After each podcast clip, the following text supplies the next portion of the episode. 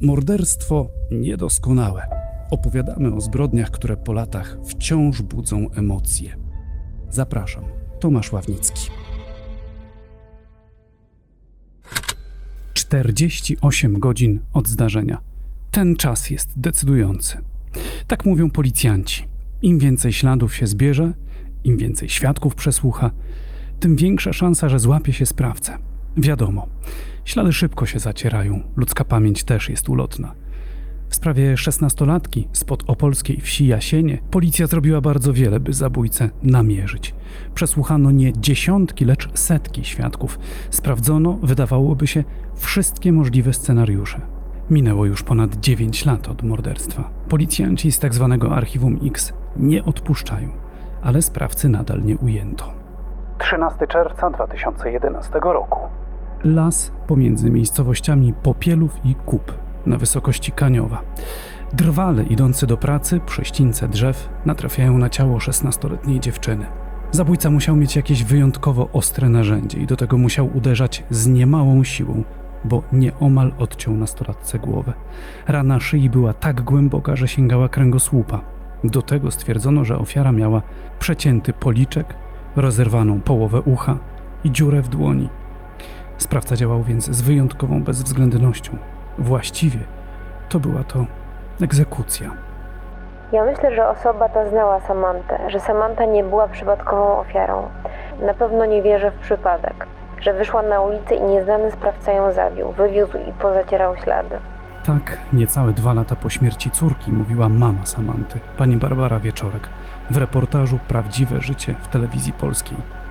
Policja też w sumie za prawdopodobną wersję brała to, że mordercą jest ktoś, kto szesnastolatkę dobrze znał. W ten sposób w kręgu podejrzeń znalazł się jej chłopak. Wyszło przy tym, że był na bakier z prawem. Wszystko jednak dokładnie sprawdzone i do tego jeszcze za chwilę wrócimy. Najpierw jednak ten dzień, gdy Samantę, uczennicę trzeciej klasy gimnazjum w Chocianowicach, po raz ostatni widziano żywą. 11 czerwca 2011 roku. Wieś Jasienie w powiecie kluczborskim. Mieszkańców mniej niż tysiąc. W większości poniemieckie ceglane domy. Tu znają się wszyscy. Tego wieczoru matka z Samantą mocno się pokłóciły. Kobieta odkryła, że córka skądś ma telefon komórkowy. Za co sobie kupiła? Z kim utrzymuje kontakty? Pani Barbara, szesnastolatce, aparat zabrała i wyszła do innego pokoju. Dziewczyna jeszcze krzyczała, żeby matka jej telefon oddała, bo to jest jej komórka, ale po pewnym czasie zrezygnowała. Wróciła do swojego pokoju, zaczęła się ubierać i wyszła z domu. Siostrze rzuciła, że musi wyjść, ale że tylko na pięć minut. Było późno, okolice godziny 23. Samanta poszła do koleżanki, też mieszkającej we wsi Jasienie. Zapukała do drzwi, ale otworzyła mama przyjaciółki. Ta już spała. Matka koleżanki chwilę rozmawiała z Samantą, widziała, że dziewczyna jest bardzo zdenerwowana. Powiedziała, że absolutnie jej córka o takiej porze nigdzie z Samantą nie pójdzie, ale zaproponowała nastolatce, żeby ta weszła do domu i chwilę poczekała, to obudzi córkę. Szesnastolatka jednak obróciła się na pięcie i poszła. Matka przyjaciółki była przekonana, że Samanta wraca do swojego domu, ale tak się nie stało. Co było dalej? Wkrótce minie 10 lat od tej zbrodni ale wciąż nie ma pewności, jak później potoczyły się wydarzenia. To jasne, że matka koleżanki nie była ostatnią osobą, która widziała Samantę żywą i z nią rozmawiała, ale jest ostatnią, do której udało się dotrzeć policji, choć funkcjonariusze robili i robią wszystko, by ustalić, kto zamordował szesnastolatkę. Przy telefonie podkomisarz Karol Brandys z Komendy Wojewódzkiej Policji w Opolu. Jak przeglądałem wszelkie materiały dotyczące zabójstwa 16-letniej Samanty, no to w oczy rzucało się to, jak wiele opolska policja zrobiła, żeby sprawcę namierzyć. No a, a mimo to się nie udało. To proszę powiedzieć, do jak wielu świadków policja dotarła w tym dochodzeniu? Y, ja może zacznę od tego, że y, na początku, gdy otrzymaliśmy zgłoszenie, to już wtedy policjanci y, rozpoczęli poszukiwania szesnastolatki. Wtedy jeszcze nikt nie brał pod uwagę, że, że ta młoda osoba może nie żyć. My sprawdzaliśmy miejsca, w których mogła przebywać dziewczyna, sprawdzaliśmy pobliski teren, wszystkie pobliskie miejscowości, zbieraliśmy informacje dotyczące samej Samanty, z kim ona się spotykała, z kim najczęściej rozmawiała przez telefon czy portale społecznościowe. Y, Czy może wydarzyło się coś w jej zachowaniu y, w ostatnich dniach czy tygodniach, co mogło zaniepokoić rodzinę, jej bliskich czy, czy znajomych? Na te wszystkie informacje, które pozyskiwali policjanci, one były na bieżąco sprawdzane, y, weryfikowane, niestety bez rezultatu. No i po dwóch dniach od zgłoszenia przez matkę zaginięcia dziewczyny zostało odnalezione ciało. W pierwszej chwili też nie było wiadomo, y, kogo to są zwłoki, bo tak naprawdę nie było przy nich y, żadnych y, dokumentów. Dopiero po, po, po chwili policjanci ustalili, że, że niestety jest to właśnie 16-letnia y, Samantha. I do tej sprawy policjanci przesłuchali ponad 500 świadków.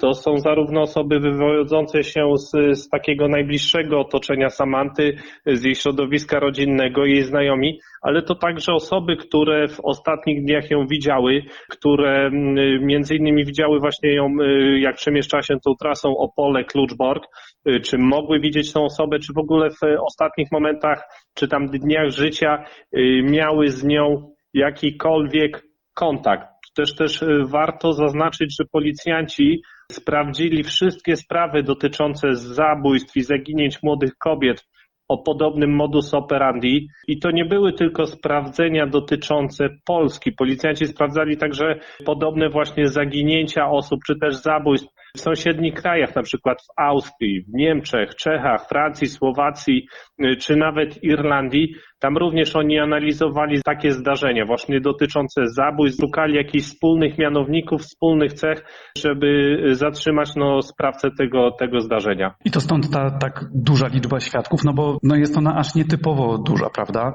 No tutaj policjanci, mimo że minęło już tyle czasu, policjanci nie odpuszczają. Cały czas prowadzą różnego rodzaju czynności. No tutaj te informacje, które do nas spływają, policjanci każdą z nich sprawdzają, każdą z nich weryfikują. Jeszcze jedną rzecz spróbuję podrążyć. Ta noc z 11 na 12 czerwca 2011. Wiadomo, że przed wyjściem z domu yy, dziewczyna się pokłóciła z mamą. Mama wtedy odkryła, że córka ma chłopaka. Sporo od niej starszego. Gazety pisały później, że to jest 22-latek, który był dealerem narkotyków. Rozumiem, że ten 22-letni Adrian został prześwietlony na wszelkie możliwe sposoby, także on nie ma z tym nic wspólnego. Oczywiście my sprawdzaliśmy również y, chłopaka Samanty. Tutaj przeprowadzono kilka czynności śledczych. Sprawdziliśmy też y, jego alibi. No i on został wykluczony z grona y, podejrzewanych. Sprawa znajomości z Adrianem to dla matki był szok. Odkryła, że w komórce córka ma zapisany kontakt. Kochanie. Ta znajomość zaczęła się jakieś trzy miesiące przed śmiercią dziewczyny. Pani Barbara przyznawała później w rozmowach z policjantami, że zauważyła w córce zmiany, że wcześniej Samantha była raczej chłopczycą, a przed śmiercią zaczęła się malować i chodzić w bluzkach z dekoltem. Ale matka nie wiedziała, że córka ma chłopaka. Wiedziały niektóre przyjaciółki, że ma na imię Adrian, że jest od niej starszy, że ma 22 lata, że mieszka parę wsi dalej, no i że sprzedaje narkotyki. Samantha o tym wiedziała, ale Adrian jej obiecywał, że jeszcze tylko trochę i z tym skończy. Reporter magazynu Focus dotarł do koleżanki Samanty. Ta przyznała dziennikarzowi, że 22-latek o 16-latkę był ponoć bardzo zazdrosny i że para kłóciła się bardzo często. Na krótko przed śmiercią Samantha postanowiła z Adrianem zerwać. Stąd podejrzenia koleżanki, że młody mężczyzna w zemście, w akcie zazdrości, postanowił ją zamordować. Dlatego o sprawę Adriana dopytywałem funkcjonariusza z Opolskiej Komendy Wojewódzkiej. Ale nie, to sprawdzono dokładnie. Gdy doszło do zabójstwa Samanty, Adrian był 4 km dalej, u znajomych. Spędził tam cały weekend. To miejsce przeszukano skrupulatnie. Nie znaleziono żadnych śladów i ustalono ponad wszelką wątpliwość, że to miejsce, gdzie Adrian spędzał weekend, nie jest miejscem zbrodni. Gdzie więc zamordowano Samantę? To też od blisko dekady pozostaje zagadką.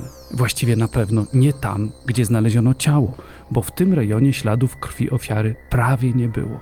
To by wskazywało, że Samantha została zabita gdzie indziej, a potem jej zwłoki sprawca w lesie podrzucił. Choć w tej kwestii policja ma do powiedzenia niedużo.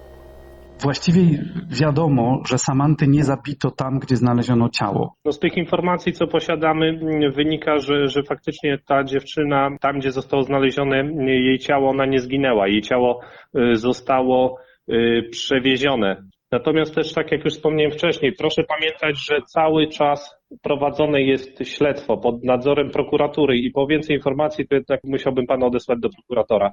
Ale i prokurator na ten temat ma do powiedzenia niewiele. Formalnie prokuratorskie śledztwo zostało umorzone w 2012 roku. Uznano, że w tej sprawie prokuratura nie ma już czynności do przeprowadzenia, ale to nie oznacza, że cokolwiek w sprawie zabójstwa Samanty odpuszczono.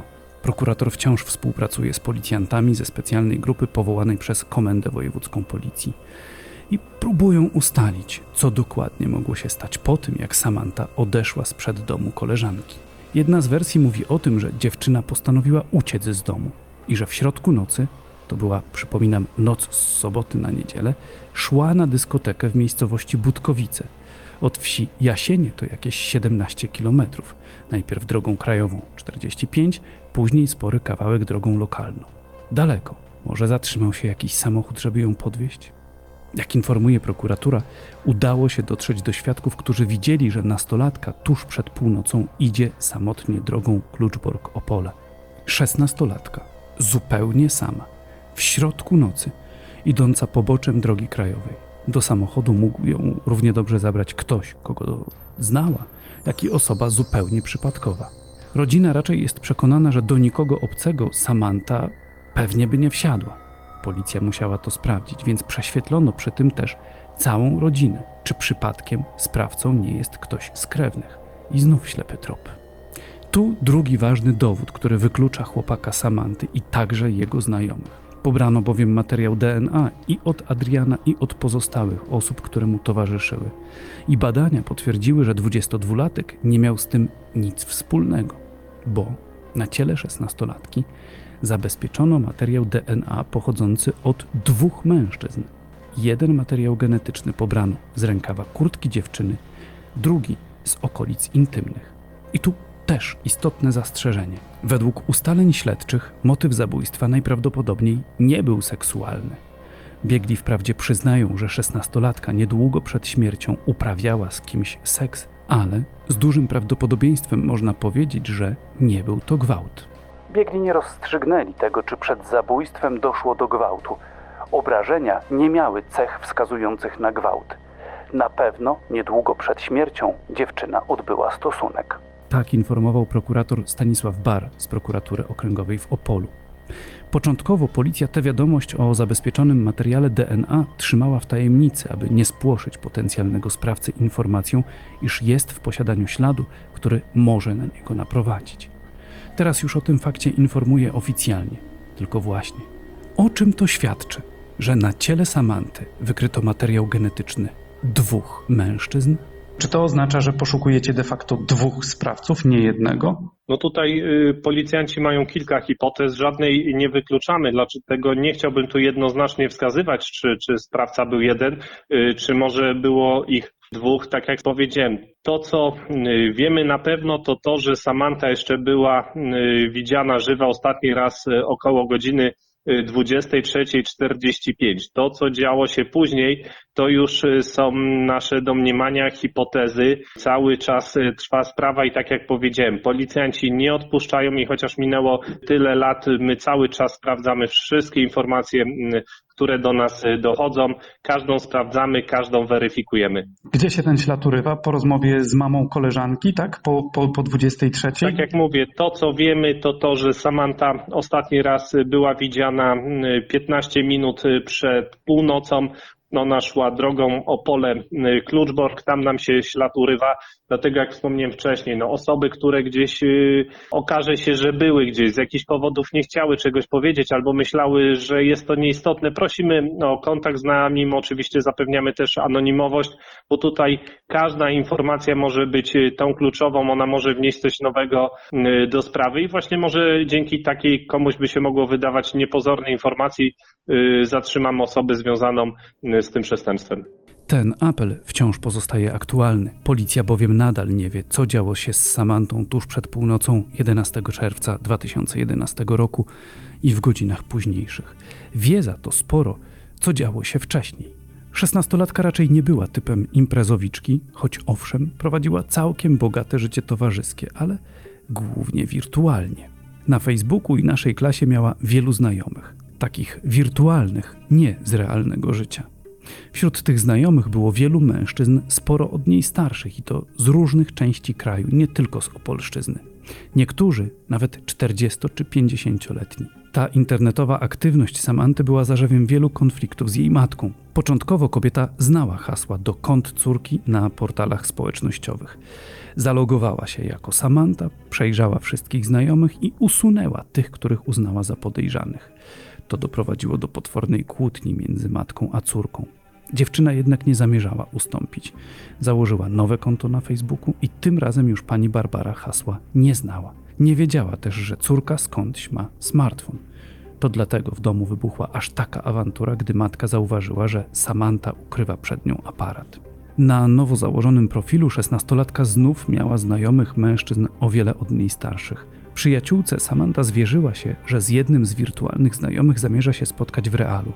Stąd podejrzenia matki, że tego feralnego dnia córka może celowo urządziła awanturę, aby mieć pretekst, by trzasnąć drzwiami i wyjść z domu, bo może z tym kimś właśnie była umówiona w noc z soboty na niedzielę.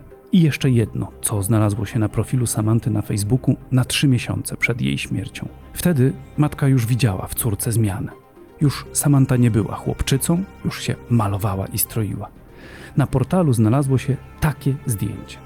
Samanta leży w łóżku, w obiektyw patrzy wzrokiem jakby nieco nieprzytomnym, ma rozchylone usta, a w ręku trzyma długi, co najmniej 20-centymetrowy rzeźnicki nóż. Ma to jakiś związek z jej zabójstwem? Nie ma. Może kogoś Samanta takim zdjęciem sprowokowała? Po dziś dzień trudno powiedzieć. Policja na miesiąc zabrała komputer z domu Samanty, komórkę też dokładnie przejrzała.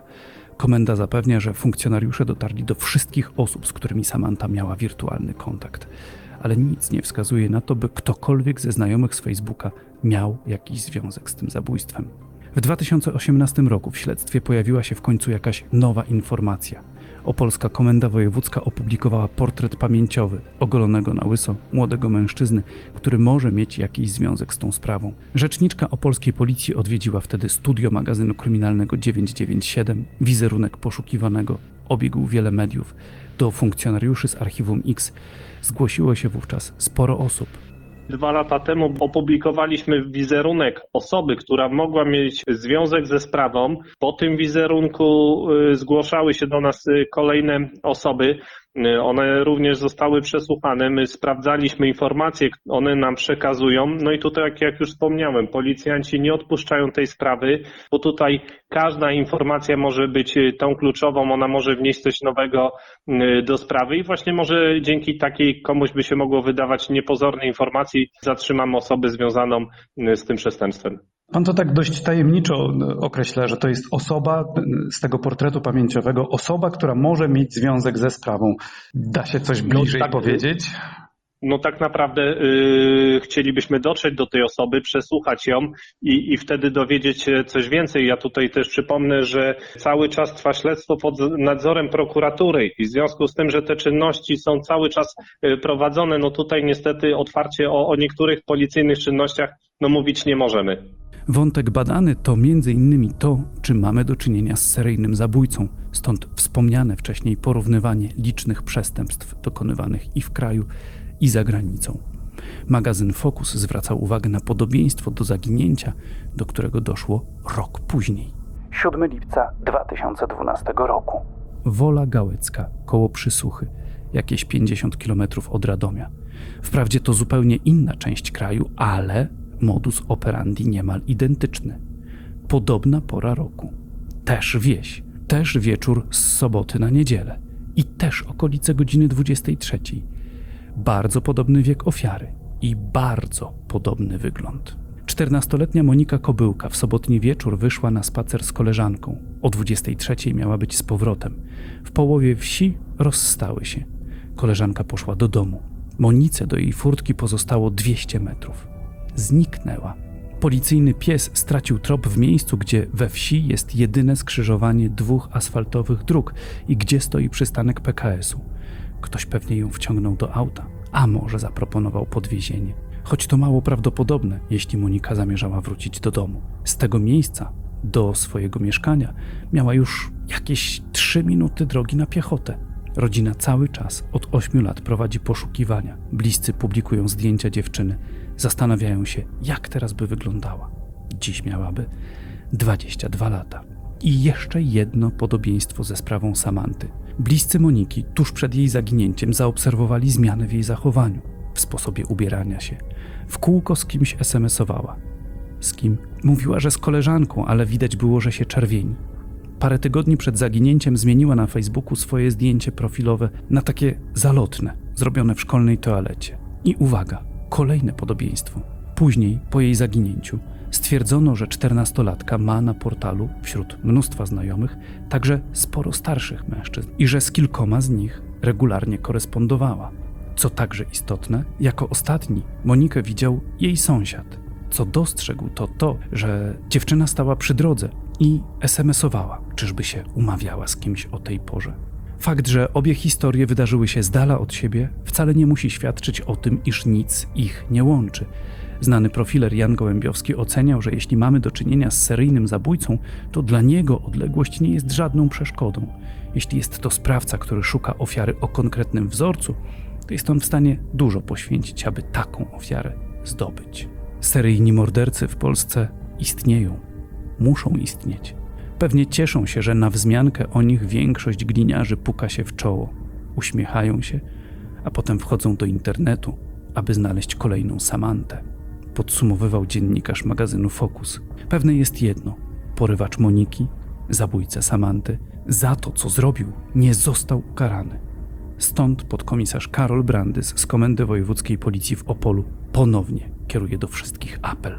Tutaj mamy taki apel i prośbę, że osoby, które coś pamiętają, a na przykład y, wydawało im się, że to może być błaha sprawa, jakaś nieistotna, żeby nie wstydziły się tego, powiedziały policjantom o tej wiedzy, które posiadają, bo czasami niepozorny element, który dla kogoś z boku może się wydawać mało istotnym, dla policjantów on może być kluczowy. Tutaj policjanci tak jakby mieli do, do ułożenia setki drobnych puzli i ten jeden jakby klocek, ta jedna informacja może być właśnie tą kluczową, która przyczyni się y, do zatrzymania sprawcy tego y, zabójstwa. W polskim prawie karnym zbrodnia zabójstwa przedawnia się po 30 latach.